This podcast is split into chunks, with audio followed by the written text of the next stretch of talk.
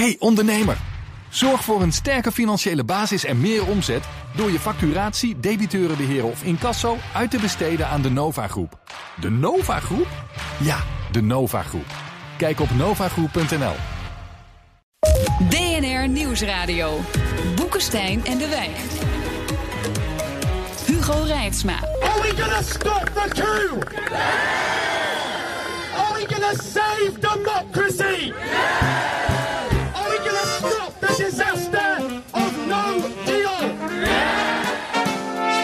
I think the outrage is phony. We're not going to wait until October the 31st before getting on with our plans to take this country forward.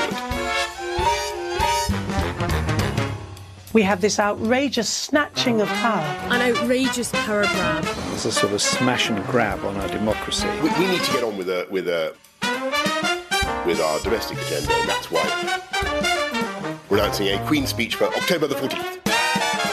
Okay, thank you. Na een zomer vol geopolitieke boeken en nucleaire cocktails van Arend Jan... en aangezien de Derde Wereldoorlog nog steeds op zich laat wachten... zit er niets anders op dan een nieuw seizoen van Boekenstein en de Wijk. Gelukkig hebben we de brexit nog. Op zoek naar de nieuwe wereldorde. Met in de studio. Een van de slechte aspecten van brexit is het dat het zijn negatieve mensbeeld bevestigt. Rob de Wijk. Inderdaad. Een positief aspect daarentegen is dat hij er stiekem ontzettend veel plezier aan heeft. Arend Jan Boekenstein. En zij zitten er maar mee. CDA-europarlementariër Esther de Lange van het CDA, dat zei ik al. En D66er Sofie in het Veld, onze gasten vandaag. Welkom. Leuk om hier te zijn. Volgende week eh, zijn jullie ook weer terug van reces. Geldt ook voor de Britse collega's. Alleen die mogen van premier Johnson meteen weer naar huis. Zo kom je wel makkelijk van lastige parlementariërs af.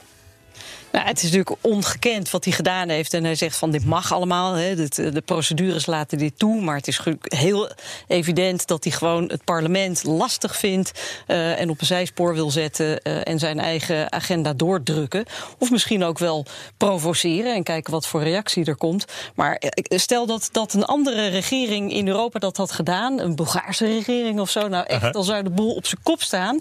En hier zijn toch eigenlijk opvallend weinig Europese regerings leiders die hier iets van gezegd hebben. Terwijl het to toch eigenlijk wel een soort van staatsgreep is. Laten we nou, met instemming van de koningin. Wel zoals, nou ja, wel zoals hij het uh, inzet. Kijk, ja, uh, in Groot-Brittannië heb je vaker de traditie dat je zegt: ik leg nu even het parlement een aantal weken stil, want we gaan bijvoorbeeld het uh, uh, party conference seizoen in. Dan, dan hebben ze ook een reces, zeg maar, voor die bijeenkomsten. Dus het is eerder gebeurd, maar op, het moment, op de manier waarop Johnson het nou doet, is het echt van: nou, dat parlement moet maar eventjes op een zijspoor gezet worden. Wat ik er ook zo grappig aan vind, de, man die het altijd heeft over het oudste parlement van de wereld, over parlementaire soevereiniteit. Mother of all parliaments. Die gaat dus nu het parlement dus uitschakelen. Ja, terwijl die zei: ik doe het niet. Hè? Ja. Toen hij nog Boris, de grote uh, ja. oppositieman was, ook binnen zijn eigen partij, tegen May. Uh, toen zei hij: Dit ga ik in elk geval niet doen. Ik ga niet het parlement buitenspel zetten. En het eerste wat hij nu doet is: parlement uh, mag niks te zeggen hebben. Dit, je komt er trouwens, je komt achter twee dingen nu. Hè? hoe kwetsbaar überhaupt de democratie is. Dat is denk ik een les voor ons allemaal. Maar ook hoe weinig dat Britse parlement te zeggen heeft. Ze gaan niet eens over hun eigen agenda. agenda Ze bezinnen zich nu op manieren om toch maar weer grip te krijgen op die agenda. Om toch nog die no-deal, die ja. inderdaad een meerderheid niet wil. Dat kunnen we met zekerheid zeggen. Om die toch te voorkomen. Ja, misschien moet dat wel via de rechter dan worden afgedwongen. Ja, moeten we even uitleggen aan de trouwe luisteraar in Sal Bommel. Bommel. Dit gaat dus over de Order of Papers. Hè. Dat is in, in, in het Engelse systeem is het zo dat de regering kan bepalen wanneer je over dingen praat en hoe je dat dan doet. En met andere woorden, als je nu nog een wet zou willen aannemen die, die zegt van ik wil bijvoorbeeld verlengen of ik wil een no-deal niet, dan moet je dat aan bestaande wetgeving koppelen. En, dat, en er is wel wat, maar dat is allemaal zeer lastig. Dus het is echt een migraine-verhaal. Het, ja, het is ze gelukt de vorige keer. Ja. Toen hebben ze het gekoppeld aan de Withdrawal Act. Dus ja. de wet uh, die de uittreding zou regelen volgens de voorwaarden die mee had onderhandeld. Ja. En toen lag er wetgeving en dan kan je amenderen. Maar ja. Johnson is niet gek. Die denkt heel strategisch na. Dat hebben we wel gezien. En die stuurt gewoon geen wetgeving als je niet uitkijkt. En dat, dan is deze route kan je niet bewandelen. En dan zegt Rob dan misschien via de rechter. Dat is een andere optie. Ja, er zijn nu op, op drie verschillende punten worden de rechtszaken gevoerd. Ja, maar de de, de, de, er zijn natuurlijk een. Want we moeten ook even vooruitkijken. Want hoe, hoe ga je hiermee om? Want hij laat voor iedereen heel weinig tijd, te weinig tijd om iets te doen. Uh, het Britse parlement, ook het Europees parlement, ook uh, de, de andere 27 Europese lidstaten, regeringen, parlementen. Uh, hij laat het echt helemaal op het laatste moment aankomen. Maakt eigenlijk een no-deal vrijwel onvermijdelijk. Ja. je weet niet helemaal precies welk spel die speelt. Want het zou ook kunnen dat hij er echt. Dat hij provoceert. Zodat hij een motie van wantrouwen aan zijn broek krijgt, weggestuurd wordt. En dan mikt op verkiezingen. Hè. Je, je weet het niet helemaal precies. Het is heel onvoorspelbaar. de zenuwen in bedwang houdt. Ja. Dat gevoel Ja. heb Maar- ik ook. Want als je dus eh, kijkt hoe hij dit doet... eh, dan zou het best kunnen zijn eh, dat op een gegeven ogenblik... en ik denk dat hij daarop gokt... als hij tenminste een deal wil... dat de Europese Unie denkt van... oh, maar dit willen we niet. Ja. Zo'n no-deal. Dus we gaan Ja. toch maar akkoord... en we slopen die, eh, die backstop eruit. Eh, dat geldt ook voor het Britse parlement. Ja. Ik, ik denk, wie heeft... Het is net poken, dit. Ja, dus dat het, doe ik zeer het sterk aller, allerbelangrijkste is natuurlijk dat nu de overige 27 lidstaten de rug recht houden. Want er is natuurlijk een enorme druk hè, eh, om, om iets van ja, een soort schijnoplossing, een fopoplossing Mhm. voor eh, die Ierse grens te gaan accepteren. Om dan maar te kunnen zeggen, nou dan hebben we in ieder geval een deal. Maar ja, weet je, dat krijg je als een boemerang natuurlijk terug. Eh, want die, die, die regio is heel kwetsbaar. De oplossing die, die ik nu hoor rondgaan, hè, de ideeën zijn gewoon fopoplossingen, zijn geen echte oplossingen.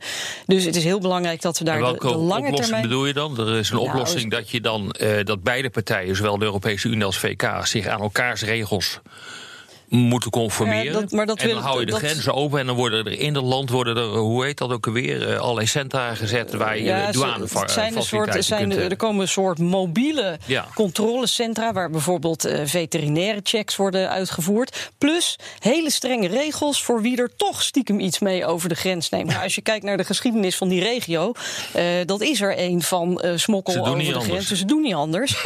Dus hoe ga je dat handhaven? Dus dat is typisch een, een FOP-oplossing. En waar we het over hebben, die grens is ten eerste de buitengrens. Eh, niet alleen van de Europese Unie, maar ook van de interne markt.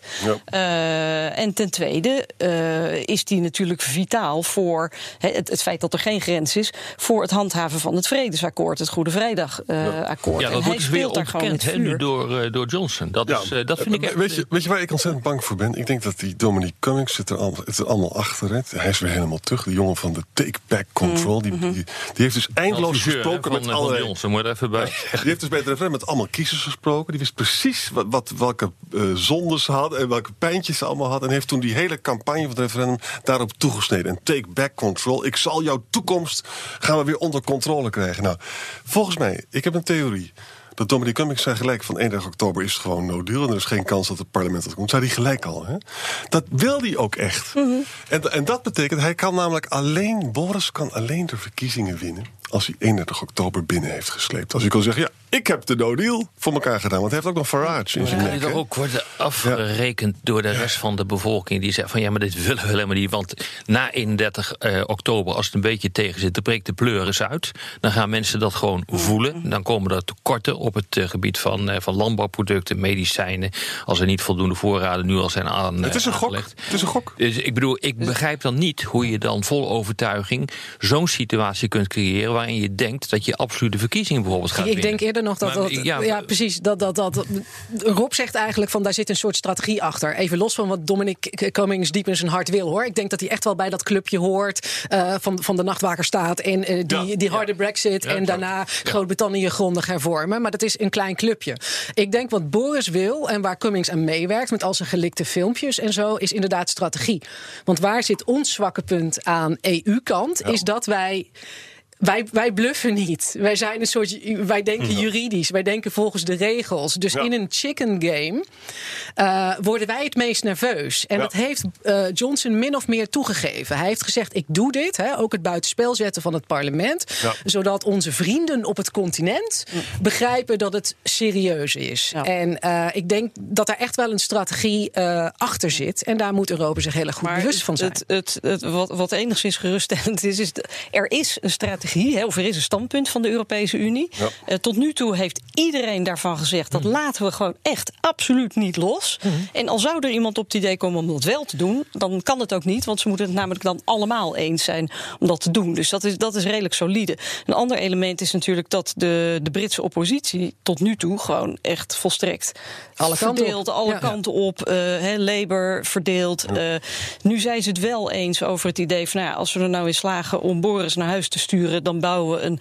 regering van nationale eenheid. Alleen vervolgens zegt eh, Jeremy Corbyn, hè, de, de, de man die de meeste verdeeldheid zaait, eh, zo, nou na Boris dan, Ja. eh, die zegt, die zegt van, nou dan werp ik me wel op als de leider van die eenheid. Eh, ja, dat is natuurlijk niet heel geloofwaardig. Dus eh, ja, het is, het is heel erg onvoorspelbaar wat er, wat er Maar gaat Sophie, gebeuren. ik acht het denkbaar dat Macron en Merkel toch nog bereid zouden zijn om te verlengen. Waarom?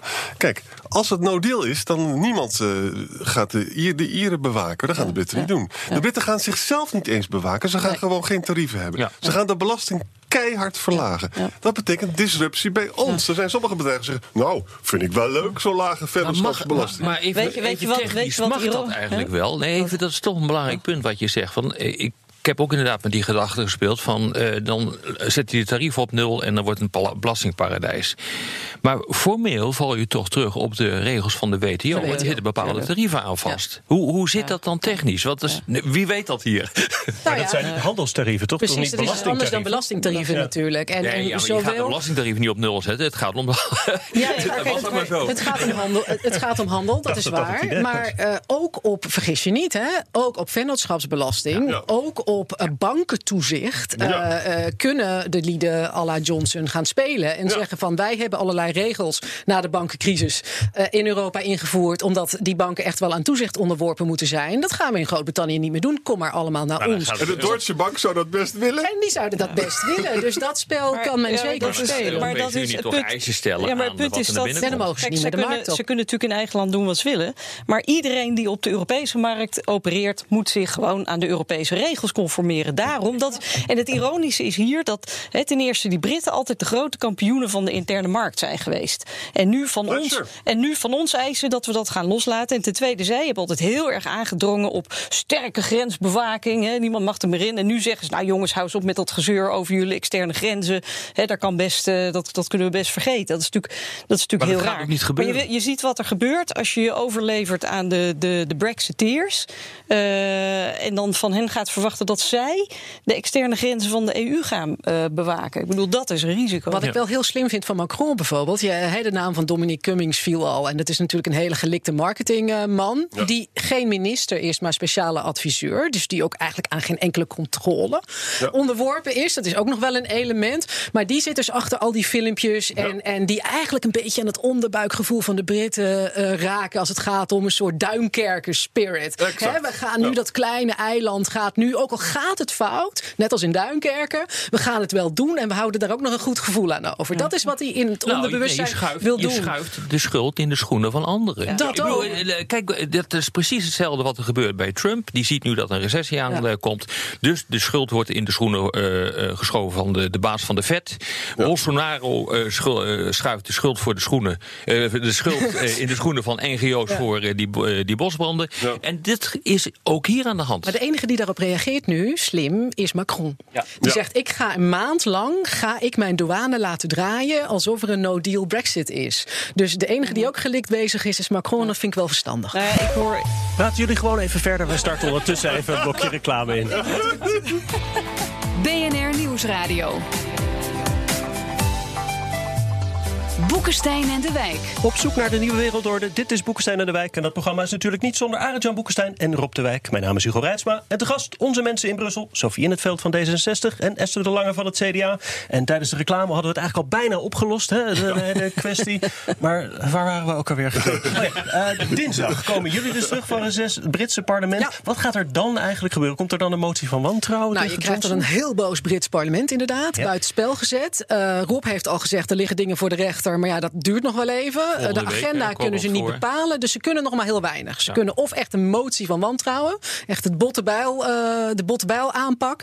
Maar ik zou stiekem mijn geld zetten op John Burko. Dat is volgens mij toch de dark horse nu qua wat er procedureel nog kan. De parlementsvoorzitter? De parlementsvoorzitter. Deze man weet dat hij aan het einde zit van zijn mandaat. Als de verkiezingen komen, is hij waarschijnlijk sowieso weg. Hij is tegen de brexit. Hij, hij is tegen de brexit. Hij houdt ervan om in het centrum eh, van de belangstelling te staan. En bijvoorbeeld een parliament in exile. Dus eh, denk je voor, stel je voor, zo'n John Burko die heel demonstratief tegen de eh, eh, wens van Boris toch de deuren van de parlementaire of van de plenaire zaal eh, open doet in Westminster. Of die in Church House, in een ander gebouw in Westminster, toch dat parlement zitting laat hebben.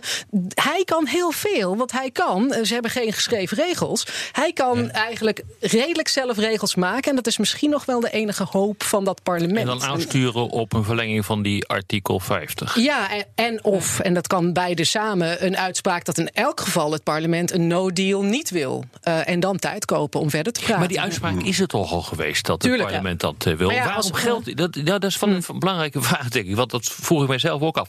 Waarom geldt dat niet meer? Er is een uitspraak geweest. Ik bedoel, als er hier in Nederland een uitspraak is geweest, een motie van het parlement, dan geldt die volgens mij eh, tot in de 23e eeuw. En dat. En dat is dus kennelijk hier niet eh, zo. Hoe- omdat hoe, het, werkt dat dan? Omdat het niet genoeg is om te zeggen van wij zijn tegen een no-deal. Dan moet je namelijk ook zeggen wat dan wel. En daar, Law, daar law. speelt, hè, daar speelt eh, Boris Johnson natuurlijk mee. Want die doet net alsof hij wel degelijk aan het onderhandelen is eh, over eh, een nieuwe deal. Hij zegt, ja, ik wil dat niet zelf, een no-deal. Maar ja, zou maar zomaar kunnen gebeuren als de anderen niet meewerken. Maar er wordt gesproken, toch? Er zijn gewoon onderhandelingen nu. Nou, ja, slimmer nog, we niet- gaan niet meer echt. onderhandelen. Niet. Dus dat heeft wel iets. Ik vind dat slim van de Europese Unie-kant om te zeggen van, eh, nou, Boris in zijn bluff die zei van, eh, we gaan praten. Vervolgens, Sophie zegt het heel terecht, levert hij inhoudelijk niks. En de Unie-kant heeft nu bevestigd, oké jongen, prima. Dan gaan we dus minstens praten. twee keer per week bij elkaar zitten. Laat maar weten wat je, wat je wil. Eigenlijk call je bluff. Laat maar zien wat je, wat je hebt. Dat is verstandig wel hoor, van de Europese Unie-kant. Maar het is, het is natuurlijk ook wel eh, gewoon, hè, want het, het is een democratie in crisis. Ja. Eh, overigens zit er een soort bittere ironie in het feit dat die, de Brexiteers, hè, net als heel veel van die anti-EU-partijen, die verwijten de EU altijd dat het niet democratisch is. En de EU-SSR, eh, kent u hem nog? nou, als je ziet hoe ze zelf omgaan met de democratie, eh, dan, dan, dan laten ze wel hun echte eh, gezicht zien. Maar ja, het is wel zo dat in dat, dat Britse systeem, dat partijen gewoon helemaal niet gewend zijn om samen te werken. Het lukt ze gewoon, zelfs in deze, hè, op het, op, het is vijf voor twaalf en het lukt ze niet om samen te werken. Het lijkt nu toch wel iets te ontstaan, maar het is, het is, het is heel zo- moeizaam. Wat ik ook zo leuk vind is dat ze hebben natuurlijk geen grondwet. Hè. Ze hebben delen. En, en nu zijn er mensen van Brexit is allemaal zo erg. Wij moeten toch naar een written constitution toe. Hè. Ja. En eh, ik hoorde trouwens gisteren bij, bij Newsnight. Al, allerlei constitutionele professoren worden nu uit hun archievenkasten gehaald. Hè. En die zeggen van ja, het is toch wel mogelijk als je dus een wet kan hebben die de zaak uitstelt. Dan zou je ook prorogation dus kunnen, kunnen stoppen. Dus het kan allemaal wel. Alleen dan stel ik Ja. me voor, dan moet Boris Johnson doen net doen hij ziek is of zo. Of hij moet gaan, eh, hoe zeg je het weer, filibustering om, voor, om, om, om een stemming te voorkomen. Wat kan je allemaal niet verwachten? Dat kan hij in de Lords nog doen. Daar Ja. zit het gevaar dat ze Ja. gaan filibusteren gewoon om tijd te winnen. Maar kan- die Brexit is wel een serieus probleem hoor. Want eh, als je met, dat doen jullie meer dan ik denk ik, maar als je met die mensen ook praat in het House of Lords, die zijn ook tegen de backstop. Eh, in belangrijke mate. Die zeggen: dit kan niet. Wij kunnen niet een deel van onze soevereiniteit eh, afstaan. Ja. En ook dus ze- mensen ja, maar- die tegen de Brexit zijn, zijn ook tegen die eh, backstop, de, de backstop. Die backstop, dat is niet op zich een oplossing. De backstop, dat is een, soort, noodoplossing. soort noodoplossing... voor als er geen andere oplossing gevonden kan worden. Het punt is dat ze nu dus al drie jaar aan het bakkeleien zijn... over wat de oplossing zou kunnen zijn. Daar zijn ze het nog niet over eens geworden. Boris Johnson die roept heel hard dat hij een oplossing heeft... eh, maar die, heeft hij, nou ja, die houdt hij eh, zorgvuldig geheim. Die heeft hij niet. Eh, dat is een beetje eh, het probleem. En je kan, niet, je kan niet zeggen... nou ja, weet je wat, dat deel van de buitengrens van de EU... dat laten we dan maar gewoon open of zo. Daar heb je dus- helemaal gelijk in, maar psychologisch ziet dit er niet netjes uit. Van een backstop die eeuwig wordt, betekent dus dat een soeverein Ja, land. maar hij wordt niet eeuwig. Nou ja, kijk, dat is- nou ja. kijk, als zij In zeggen. theorie wel, ja, maar toch? als Boris, nee, als Boris Johnson beweert dat hij een oplossing heeft, dan, dan komt die, die hele backstop die komt gewoon helemaal nooit. eh, Die wordt nooit geactiveerd. Maar er niet Dus- zelf maar, over maar, of maar het ik vind, ik vind kijk, er, we zijn nu drie jaar, meer dan drie jaar na, de, na het referendum over de Brexit. Dit is toch het soort van discussies die ze daarvoor hadden moeten hebben. Ja, het is ja, gewoon toch niet serieus om zonder dat dit soort dingen besproken zijn, de mensen te zeggen Brexit of geen Brexit. Nou, we- mensen hadden geen idee, want dit hebben ze allemaal niet voorzien. Eh, en vervolgens te zeggen we willen eh, geen enkele stemming meer onder de bevolking. Eh, we zetten het parlement buitenspel. Eh, Boris Johnson, die zelfs niet eens een eigen mandaat heeft om premier te worden, die drukt het nu gewoon door. Maar u vergat niets meer te buitengewoon, maken. buitengewoon smal. Als je kijkt Ja. naar zijn mandaat, dan kan hij zeggen van ik voer de wil van de bevolking uit. Dat is maar zeer de vraag of dat nog het geval is. En hij gaat tegen het parlement in. Ik bedoel, dat mandaat is eigenlijk niks wat hij Maar je ziet, je ziet hoe dus een, een volstrekt archaïs en achterhaald politiek systeem. En hè, onze zusterpartij, de Liberal Democrats, in, eh, die, die voeren al decennia eh, campagne eigenlijk voor een modern kiessysteem. Want dit systeem leent zich gewoon niet voor compromis, voor samenwerking, voor hè, polderen, zal ik maar zeggen. Ja. Eh, en je komt dan dus, en, en polderen is weliswaar af en toe langzaam en niet heel sexy, maar je krijgt wel resultaat. En je komt niet, hè, ze, ze hebben gewoon niet de middel om uit deze crisis te Maar komen. wat kan de EU nog doen dan? Nou, ik denk dat het. Kijk, wij kunnen natuurlijk niet beslissen voor de Britten. Nee, dat, moeten ze, dat moeten ze zelf doen. Ehm, wij moeten. Ik denk dat het heel belangrijk is dat, dat de EU bij de eigen lijn blijft. We zijn tot nu toe eh, echt eh, nou, buitengewoon verenigd. Eh, zo, zo verenigd zijn we zelden.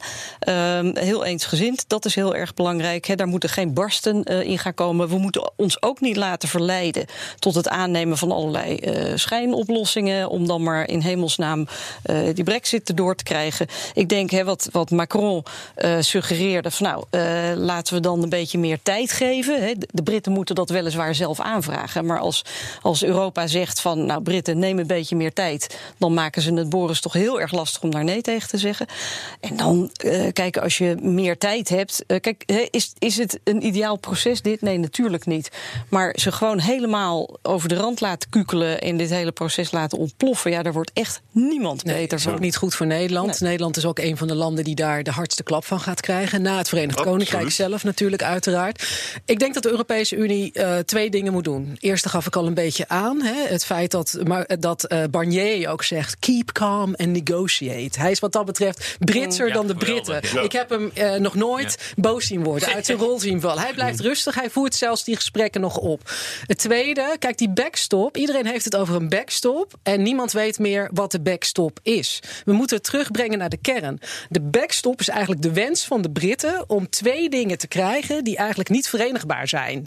Namelijk heel hard uit de Unie, geen douane-Unie meer, niet eh, de regels van de interne markt, verder uitstappen, maar geen grens op het eiland Ierland. Dat is eigenlijk water en vuur. Dat kan niet bij elkaar. Nee. En die zogenaamde backstop, maar ja, het beestje moet een naam hebben, is de manier van de Unie. De enige manier die nu inhoudelijk op tafel ligt om daarmee om te gaan. Die mag van tafel af.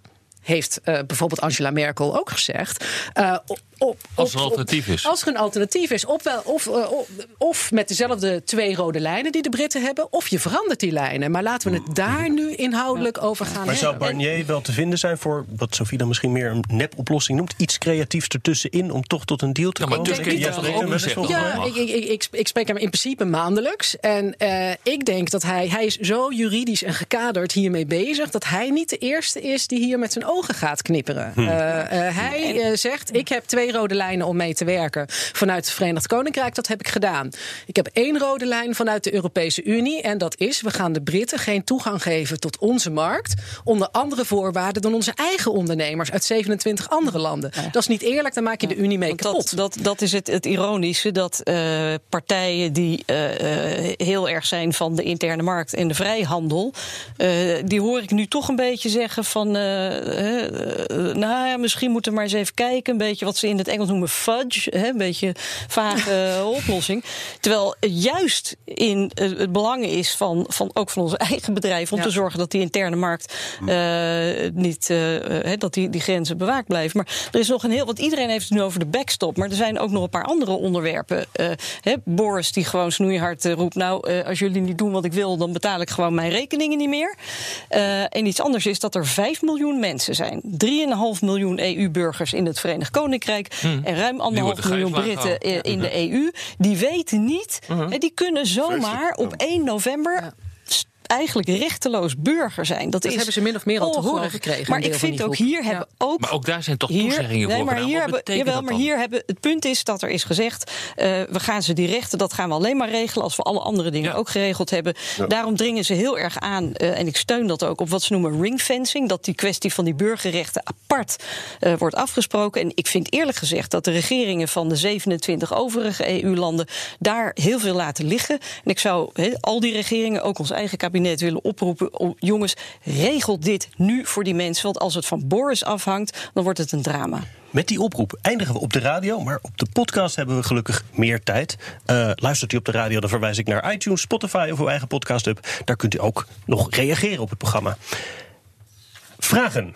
Van bijvoorbeeld Sander Hamburger. In 2016, vraagt hij, heeft het eh, Britse High Court besloten dat het parlement het laatste woord over Brexit moet hebben. In hoeverre gaat deze schorsing tegen dat rechtbankbesluit in? Kan je Nou, daar zullen dat- ongetwijfeld die rechtszaken over gaan. Want dat klopt. Theresa May, laten we wel wezen, wilde ook het parlement buitenspel zetten. Daar is toen die rechtszaak over gevoerd. En toen hebben ze inderdaad die agenda gegrabt. Dat ze die konden zelf bepalen.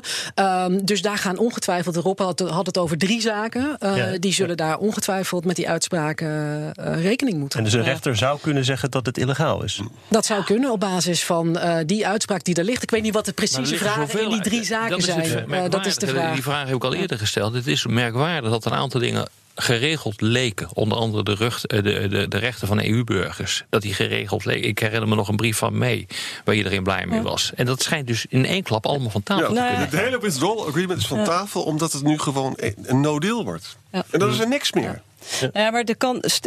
Ja, nou goed, alle, alle scenario's zijn nog mogelijk. Maar dit. Kijk, het feit dat ze nu dus via de rechter. Ik geloof dat ze nu zelfs een zaak hebben voor een rechter in Schotland, ironisch genoeg. Ja. Die moet dan gaan bepalen. Maar jongens, weet je, als ze mij mijn, mijn, mijn democratische rechten af zouden nemen. En, eh, en Esther, dan staan wij straks op het Malieveld. En zeggen we: wij laten, hè, wij pikken het niet dat onze volksvertegenwoordigers opzij worden Dat geschoven. Dat gebeurde Dat dus ook in de- Londen. hè? Je ziet het ook nu gebeuren. Ja, nee, maar zo is het ook.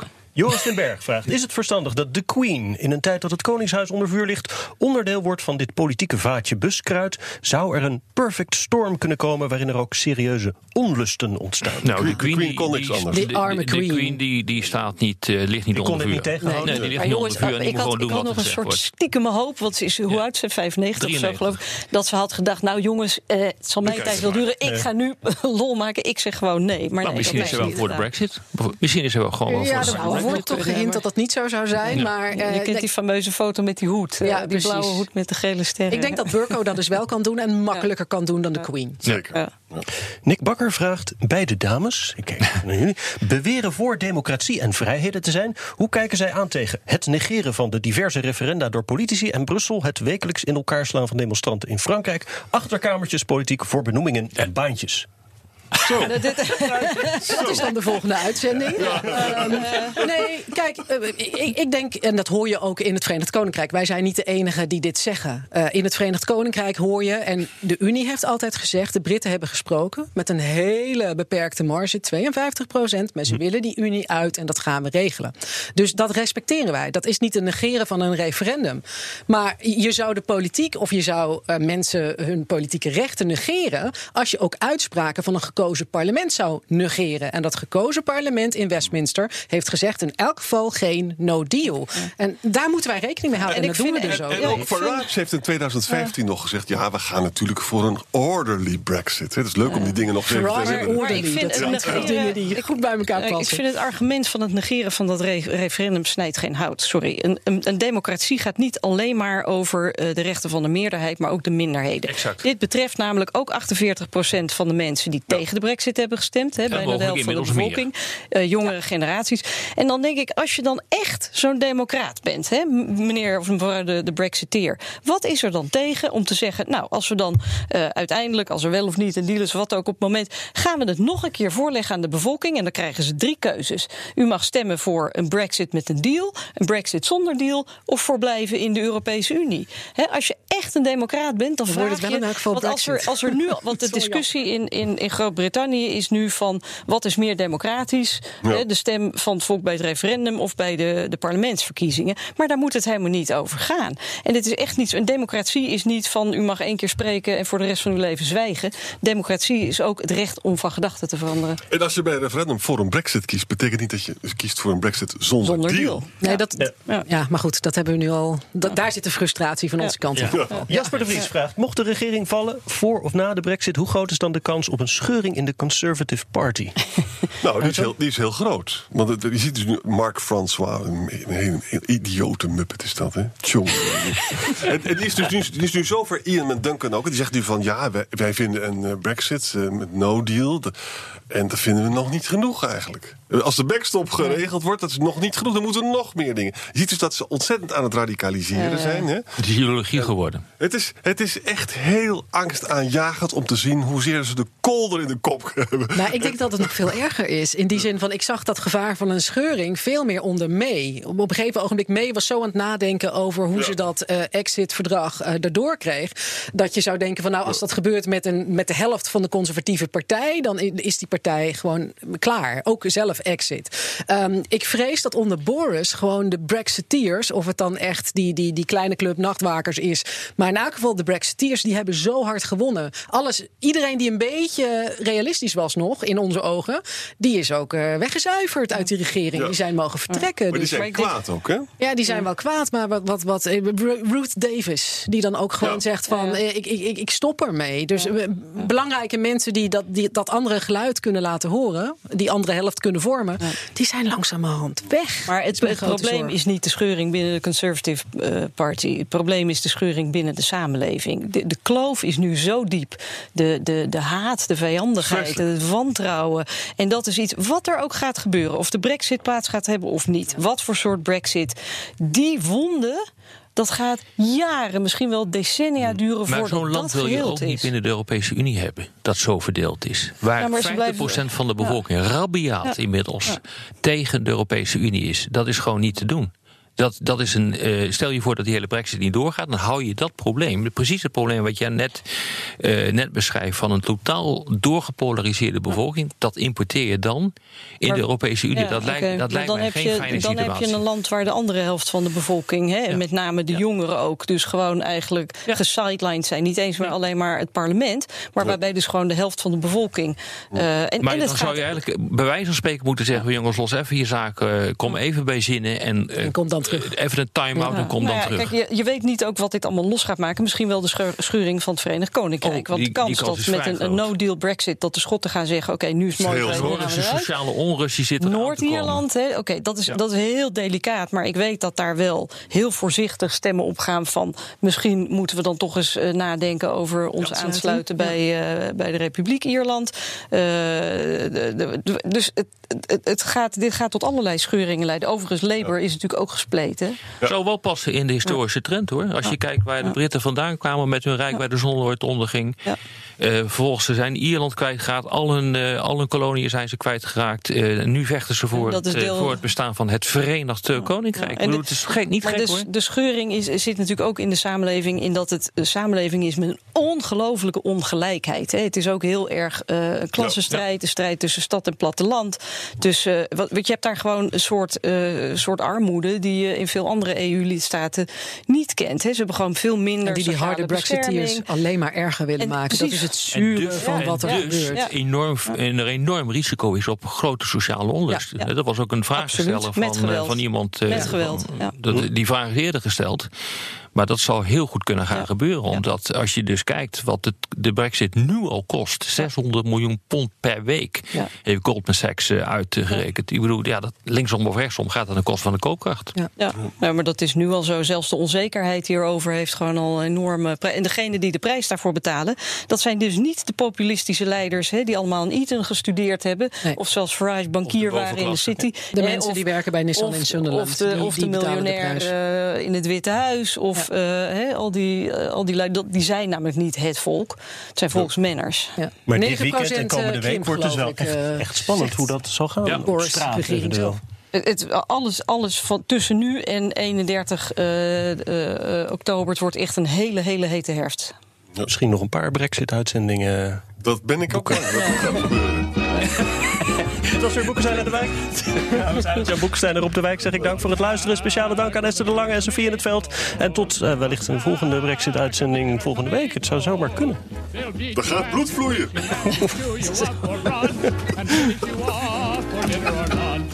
ja, oké. Okay.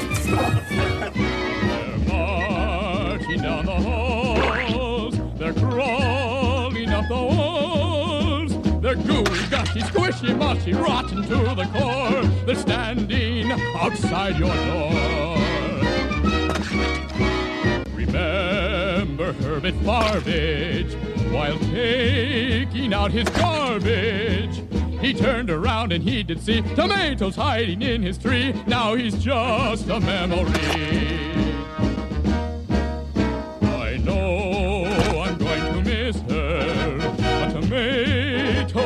Sister. Sacramento fell today. They're marching into San Jose. Tomatoes are on their way. The mayor is on vacation. The governor's fed a nation. The police have gone on strike today. The National Guard has run away. Tomatoes will have their day. Attack of the killer tomatoes. Of the killer tomatoes. They'll beat you, bash you, squish you, mash you, chew you up for brunch, and finish you off for dinner or lunch. Munch, munch, dinner or lunch, munch, munch, dinner or lunch.